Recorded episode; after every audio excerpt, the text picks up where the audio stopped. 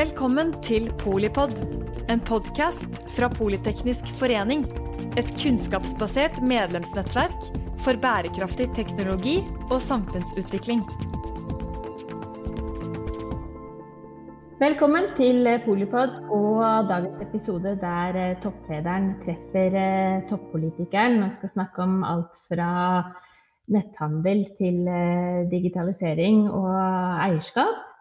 Eh, vi har eh, Kjetil Solvik-Olsen i studio. Han er påtroppende nestleder i Frp. Vi har eh, Anne Marit Panengstuen, som er konsernsjef i Nortura. Og Janne Lok, som er daglig leder i Samvirkene. Og Janne, jeg sa litt, men hva får vi høre om i dag? Du har helt rett. Vi skal snakke om kompetanse, eierskap og litt om Amazon. Vi går rett på. Ketil og Anne Marit. Handler dere på Amazon? Hvorfor? Hvorfor ikke? Vi begynner med Ketil. Jeg gjør det ikke, men jeg handler mye på nett. Det handler om å få tilgang på ulike varer øh, som en ønsker, og som ikke nødvendigvis er lett tilgjengelig i butikkene. Samtidig er jeg veldig bevisst på at jeg ønsker å støtte norske bedrifter eller lokale bedrifter. Øh, jeg har bodd øh, nylig to år i USA og sett hvordan bysentre mange steder har blitt utarmet.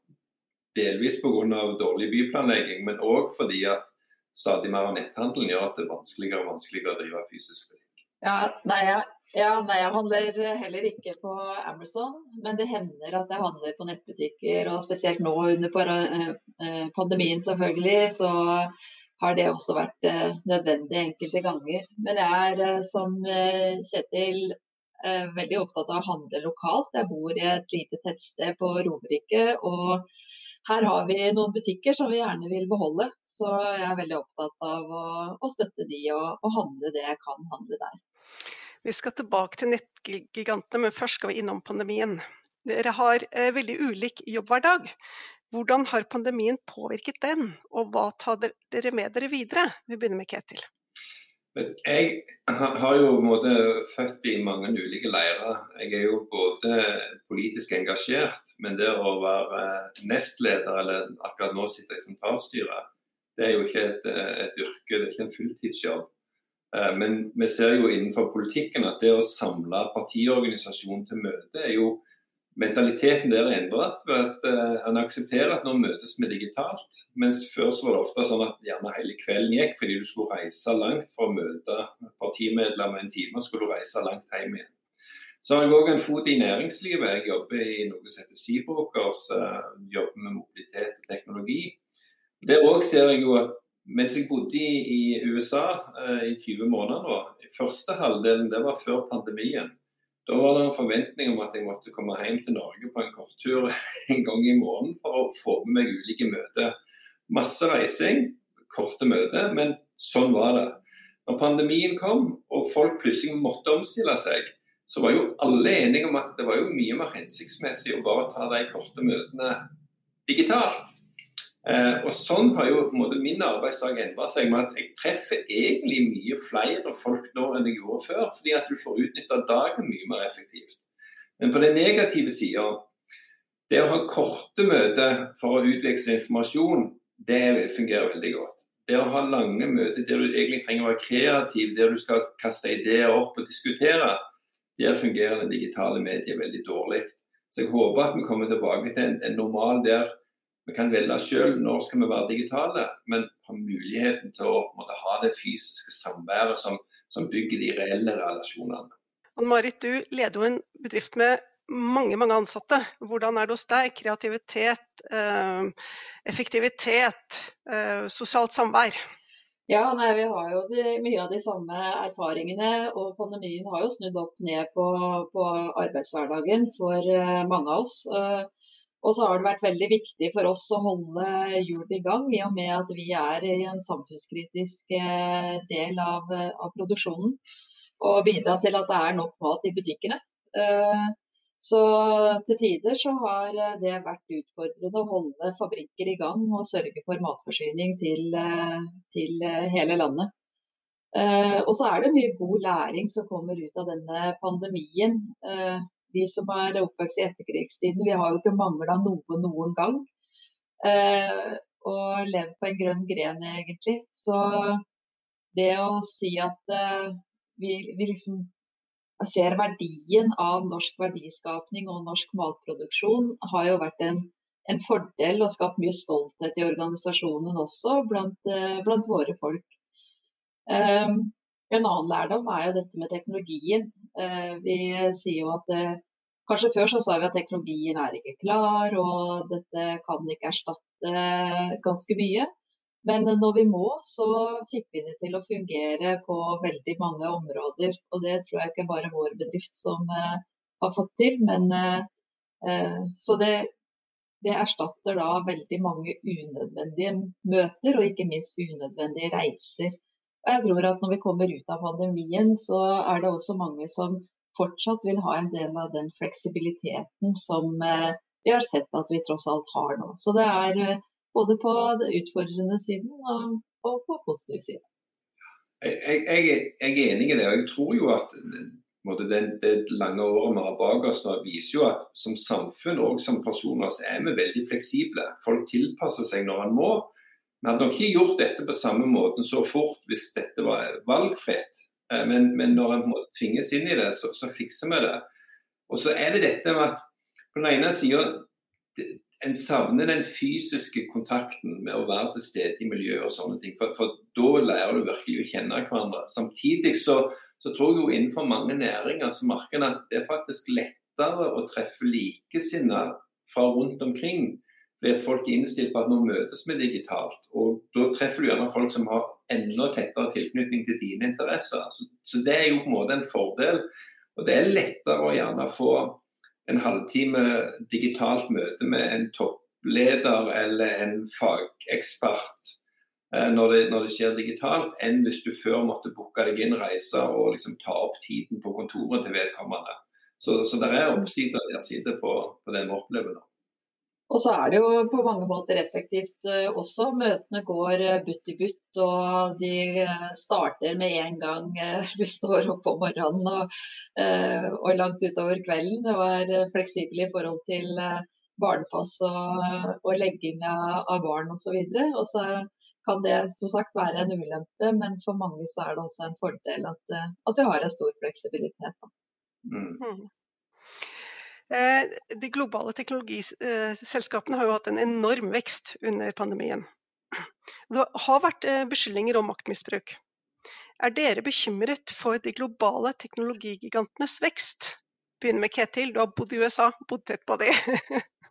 ja, altså både, ja og nei. Eh, vi trenger nok å ha både store og små aktører her. Og jeg sitter selv i styret i en del oppstartsselskap som driver innenfor digitale markedsplasser innenfor shipping som driver med bedre løsninger innenfor mobilitet og transport. Eh, og, så, så, det finnes en haug med gründere som, som, ser på måter vi kan gjøre samfunnet vårt bedre, som skaper arbeidsplasser og verdiskaping i Norge, og der vi gjerne får eksportprodukt. Det som bekymrer meg, det er hvis vi får en situasjon der både rammebetingelser, skatteregler, eierskap til data gjør at du til slutt får noen få selskap som, fordi det er så lett å skalere opp digital teknologi, og får en enorm markedsdominans som små aktører eller store nasjonale aktører likevel ikke klarer å konkurrere imot.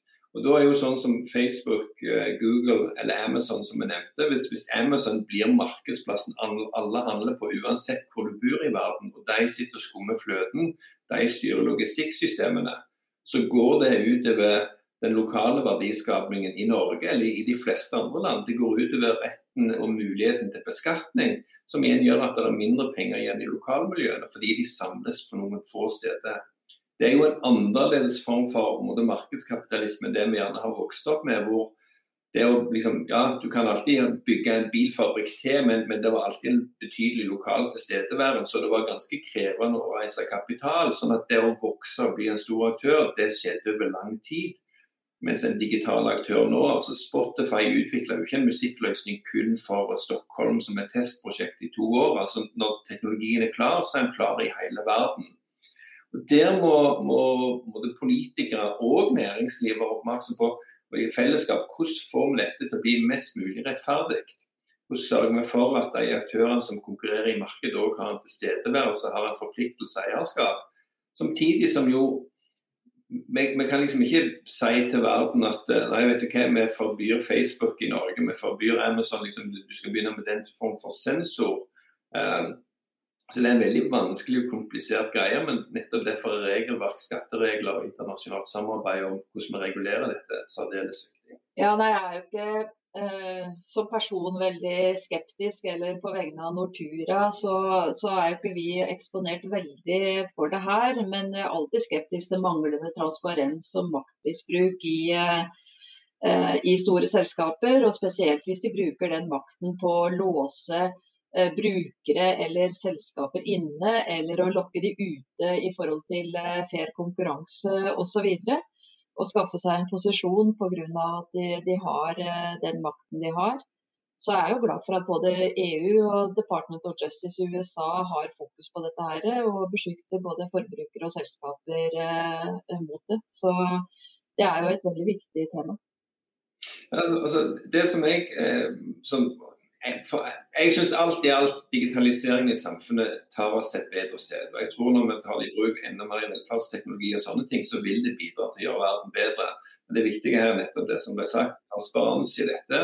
At vi vet hvem er det som eier, hvem er det som styrer, hvem er det som eier data. Og at eh, en, en konkurrerer under like vilkår. Det, det er en forutsetning.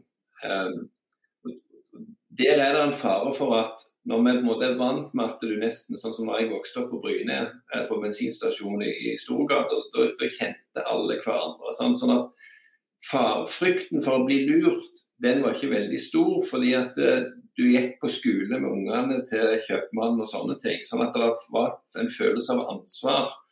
Det ser vi jo at når du på en måte får omreisende håndverkere, så blir det ansvaret litt dårligere. Sant? Fordi at Sannsynligvis så er, så er den på en måte ja, utlendingen som, som, bygger huset ditt, han er hjemlandet sitt året etterpå, så går ting galt, så, så følger, klarer du ikke å følge han opp på samme måten.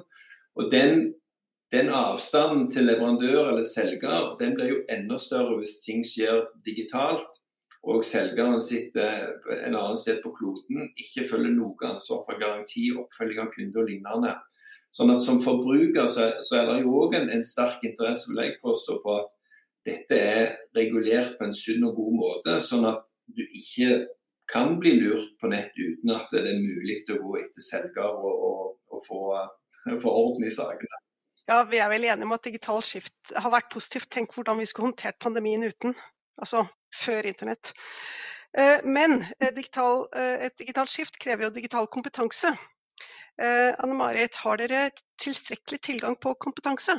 Ja, altså Vi er i ferd med å bygge framtidas eh, egg- og kjøttsamvirke eh, i Norge. og Da trenger vi god tilgang på digital kompetanse.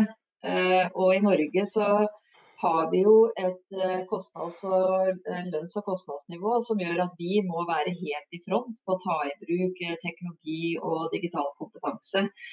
Så om vi får til det, og vi får til eh, nok. Det er jo en hard konkurranse om disse, disse hodene, så vi er i den konkurransen. Og eh, jeg tror nok eh, alle er enige om at eh, det må steppes opp eh, også i framtida. Eh, og vi skal jo digitalisere som vi sier, fra bås til bord, altså sporing av hvor kjøtt og egg kommer fra, skal komme helt fram til forbrukeren. Dette er eh, avanserte systemer som krever høy kompetanse og, og mye ja, håndtering av data og teknologi. Eh, og så har jeg lyst til også å framheve fagbrev som en kompetanse. At vi ikke bare snakker om digitalisering. For det er også eh, stort behov for de som har fagbrev. Og for vårt vedkommende så er jo det slaktere og kjøttskjærere som eh, ikke nødvendigvis står øverst på folks bevissthet, men som er kjempeviktige i det å skaffe mat på bordet til, eh, til befolkningen. Så vi må ikke glemme det heller i jakten på teknologer, selv om jeg er teknolog sjøl. Mm. Jeg, jeg, så Ketil eh, tok det til seg, men eh, jeg må spørre deg Ketil, du har bodd både i USA og Norge. Kan du si litt om digital kompetanse i Norge versus eh, USA, selv om du ikke har forsket på det? Ja, jeg, er jo en ivrig bruker av, av digitale løsninger. Um, og jeg tror, altså, i den diskusjonen, Hvis vi kan dele det opp mellom digital kompetanse når det gjelder å ha tilgang på folk som kan lage system, eh, så er det ekstremt viktig, sånn at ikke vi blir avhengig hele veien at vi skal ha utenlandsk arbeidskraft. Vi ser jo det òg i andre, andre, næringer. Nå har vi jo innenfor landbruket sett i forhold til det å klare å plukke jordbær selv. At, at selv der mener jo en del jordbærbønder at nordmenn ikke lenger har kompetanse til å drive med jordbærplukking. Og Da syns jeg det er veldig kjipt når vi kommer i den situasjonen at vi nærmest har blitt så oljerike at vi en del ting ikke vil eller ikke kan fikse sjøl. Det å hele veien utdanne flere teknologer det er viktig. og som Jeg nevnte, jeg, jeg sitter i styret i en del oppstartsselskap som driver innen teknologi. og i Stort sett alle sliter jo med å nettopp få tak i programmerere og lignende. Og ender til slutt opp med at du må kjøpe en del konsulenttjenester fra utlandet rett og slett fordi du får ikke tak i det i Norge. Så er det den andre sida, og det er jo nettopp det å ha kompetente brukere av teknologi. Og Der opplever jo jeg at i norsk næringsliv og norsk arbeidskraft er egentlig veldig kompetent på det, totalt sett.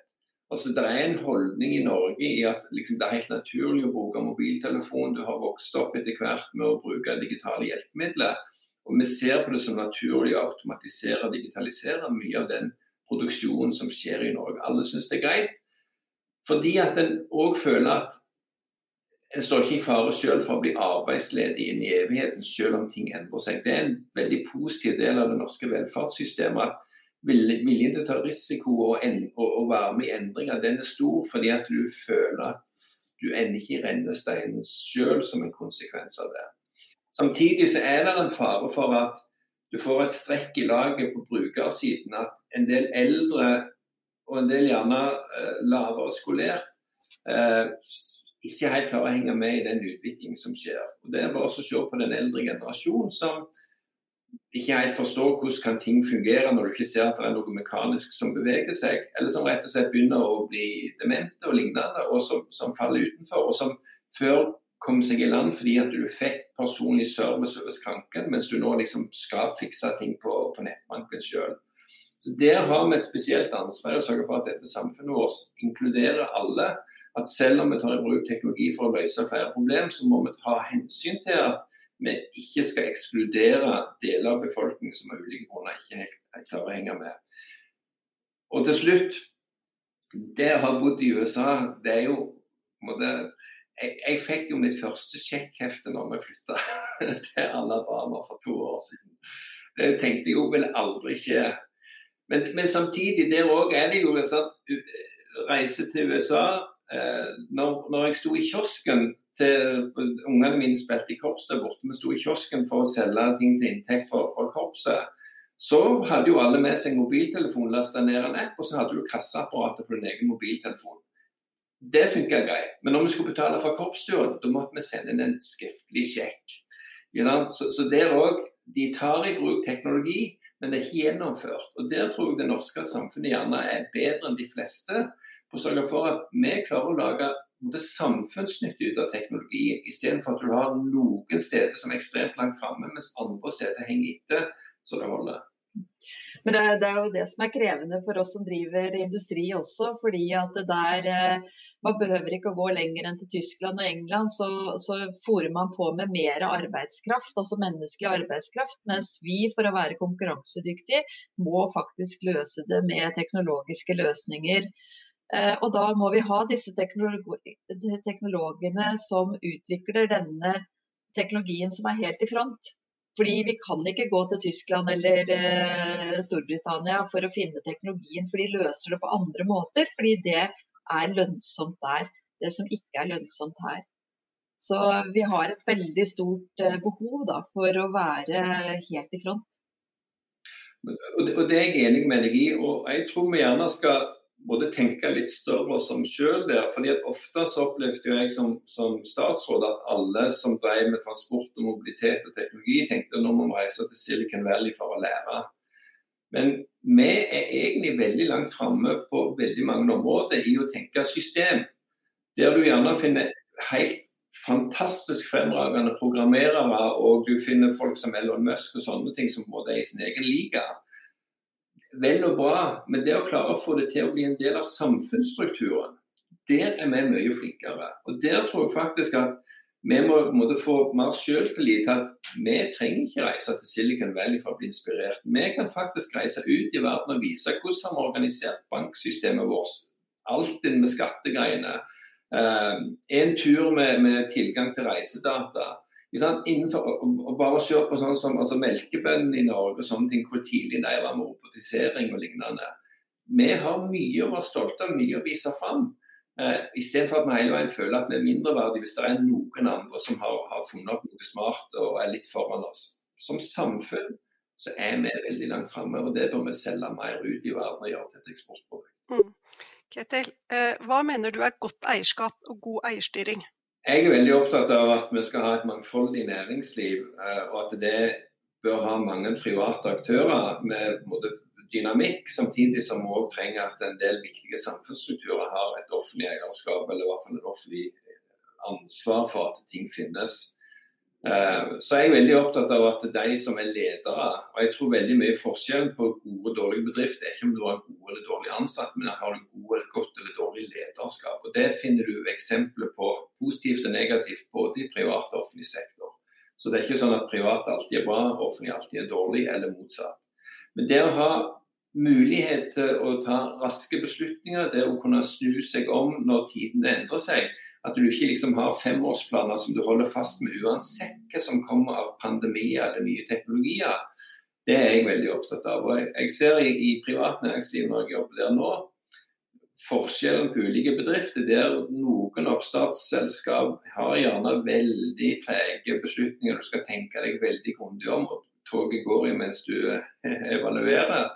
Mens andre er sånn at vet du hva, dette får vi til. Og så, så handler det om hvilken kultur du klarer å, å, å utvikle. Folk får mulighet til å, å, å påvirke, være med og ta ansvar. Men òg være med å ja, feire gleden hvis en lykkes, og dele på skylda hvis en ikke lykkes. Mm. Eh, Anne Marit, hva gjør dere i Nortura, eh, som er jo et medlemseid foretak, for å ivareta eh, medeierne deres interesser fremover? Ja, nå er det sånn at uh, Vi er jo eid av 18 000 bønder. Uh, og så er det også sånn at uh, eierne er også våre leverandører. Det er de som leverer råvarene inn. slik at Vi har jo ikke som målsetning som de aller fleste bedrifter å betale så lite som mulig for råvarene. Vi har som målsetning å betale så mye som mulig for råvarene som vi tar inn i, i vår leveranse. Sånn at eh, når det går bra med Nortura, så går det bra for eierne. For da evner vi å betale bra til bøndene for det de produserer. Eh, og Derfor så er vi i ferd med å investere 1,5 milliard også i industristrukturen vår for å bli konkurransedyktig, levere gode og konkurransedyktige norske varer til forbrukeren.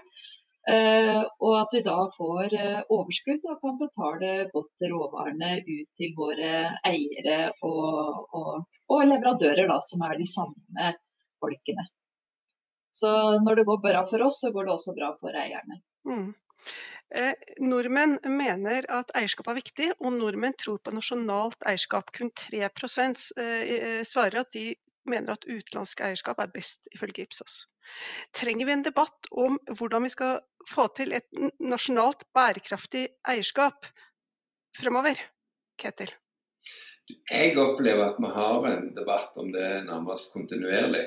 Og så er det nok sånn varierende hvor ofte får den uh, hovedsaken på, på, nyhetene. Eh, nå er det jo veldig mange samfunnsspørsmål som har drukna litt pga. pandemien. Men uh, hele diskusjonen om altså, det, det, handler jo om å føle at en har et samfunn som en er delaktig i, der de som er de store aktørene òg har et eierskap og ansvar for det samfunnet de er en del av. Um, og vi har veldig mye flinke eiere i Norge. Uh, samtidig så er det av og til at det er kompetanse i utlandet som er viktig å få med seg. sånn at det å liksom si at vi bare skal ha norsk eller bare utenlandsk, det syns jeg ville blitt en svart-hvitt. Selv så kommer jeg jo fra, fra Jæren. Hele regionen her har jo hatt en suksess innenfor olje og energi de siste 40 årene. Fordi at vi inviterte amerikansk kapital, amerikansk kunnskap på oljesektoren inn. Men var bevisst på hvordan skal du måtte gjøre dette norsk. Men det å ha den miksen der du får impulser utenfra, det er en viktig del av det. Eh, men igjen, ønsket mitt det er jo at vi utvikler norsk næringsliv, norske kapitalstrukturer, norske ledere og norsk arbeidskraft. Sånn at vi klarer å utvikle verdiskapning på hjemmebane. Og jeg bare får ta ett poeng til. Når jeg bodde i Birmingham, Alabama, det er jo tradisjonelt en, en gammel stålby. Men det er òg en by der veldig mye av eierskapet til slutt endte opp hos noen få stålbedrifter med hovedkontor andre steder. Og mange bydeler ser vi har blitt både veldig hardt rammet over at rett og slett verden har endret seg. Og når beslutningene tas langt vekk ifra, så er nok forståelsen for konsekvensene det har for, for, for lokalsamfunn, mye dårligere enn hvis eierne sitter i det samme lokalsamfunnet. Og Derfor er det å ha tilknytning eh, mellom eiere, lokalsamfunn, politikk, måte velferdssystem, viktig eh, for å klare at folk har en bedre ansvarsfølelse for, for helheten i det de holder på. Anne Marit? Ja, Norsk eierskap er jo en forutsetning for vår organisasjonsmodell. Vi er jo som sagt 18 000 bønder som er organisert i et uh, samvirke. Uh, så det er representanter fra hele Norge, og vi er jo basert på norske råvarer. Og produserer stort sett til et norsk uh, marked.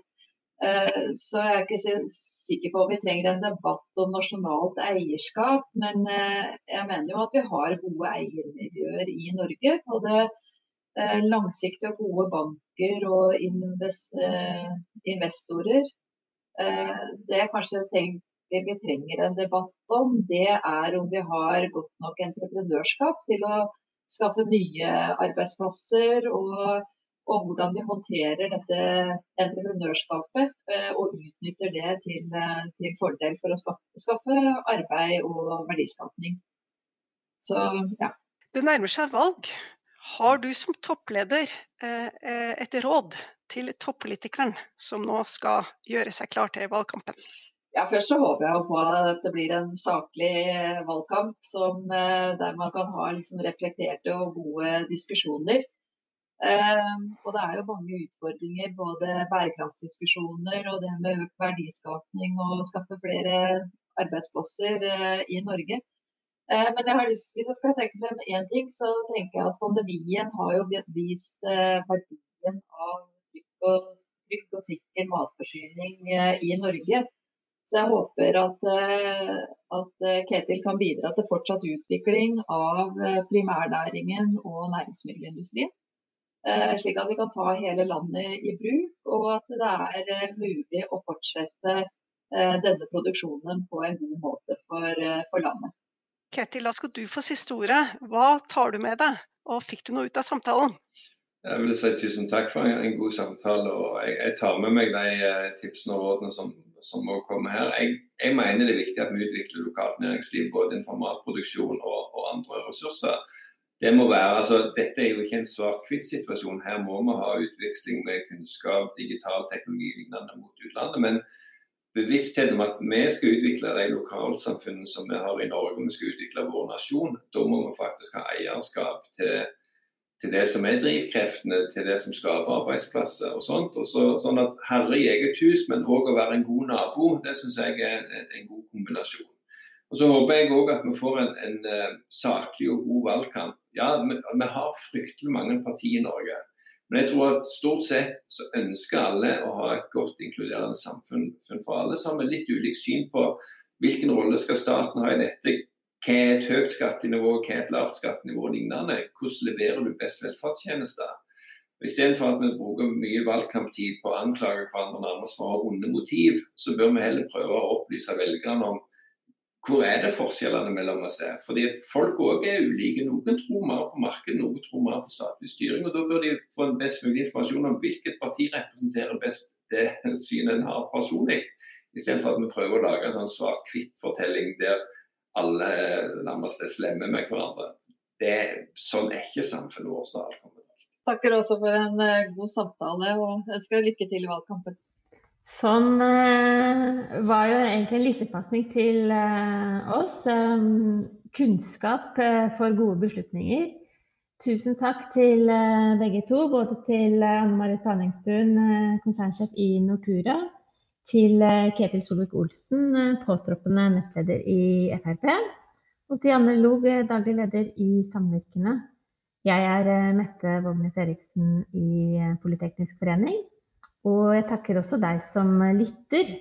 Enten du nå har eh, sjekkhefte i lomma eller ikke aner hva et eh, sjekkhefte er, så har du i hvert fall all eh, grunn til å, å få med deg den innsikten og inspirasjonen fra dagens samtale.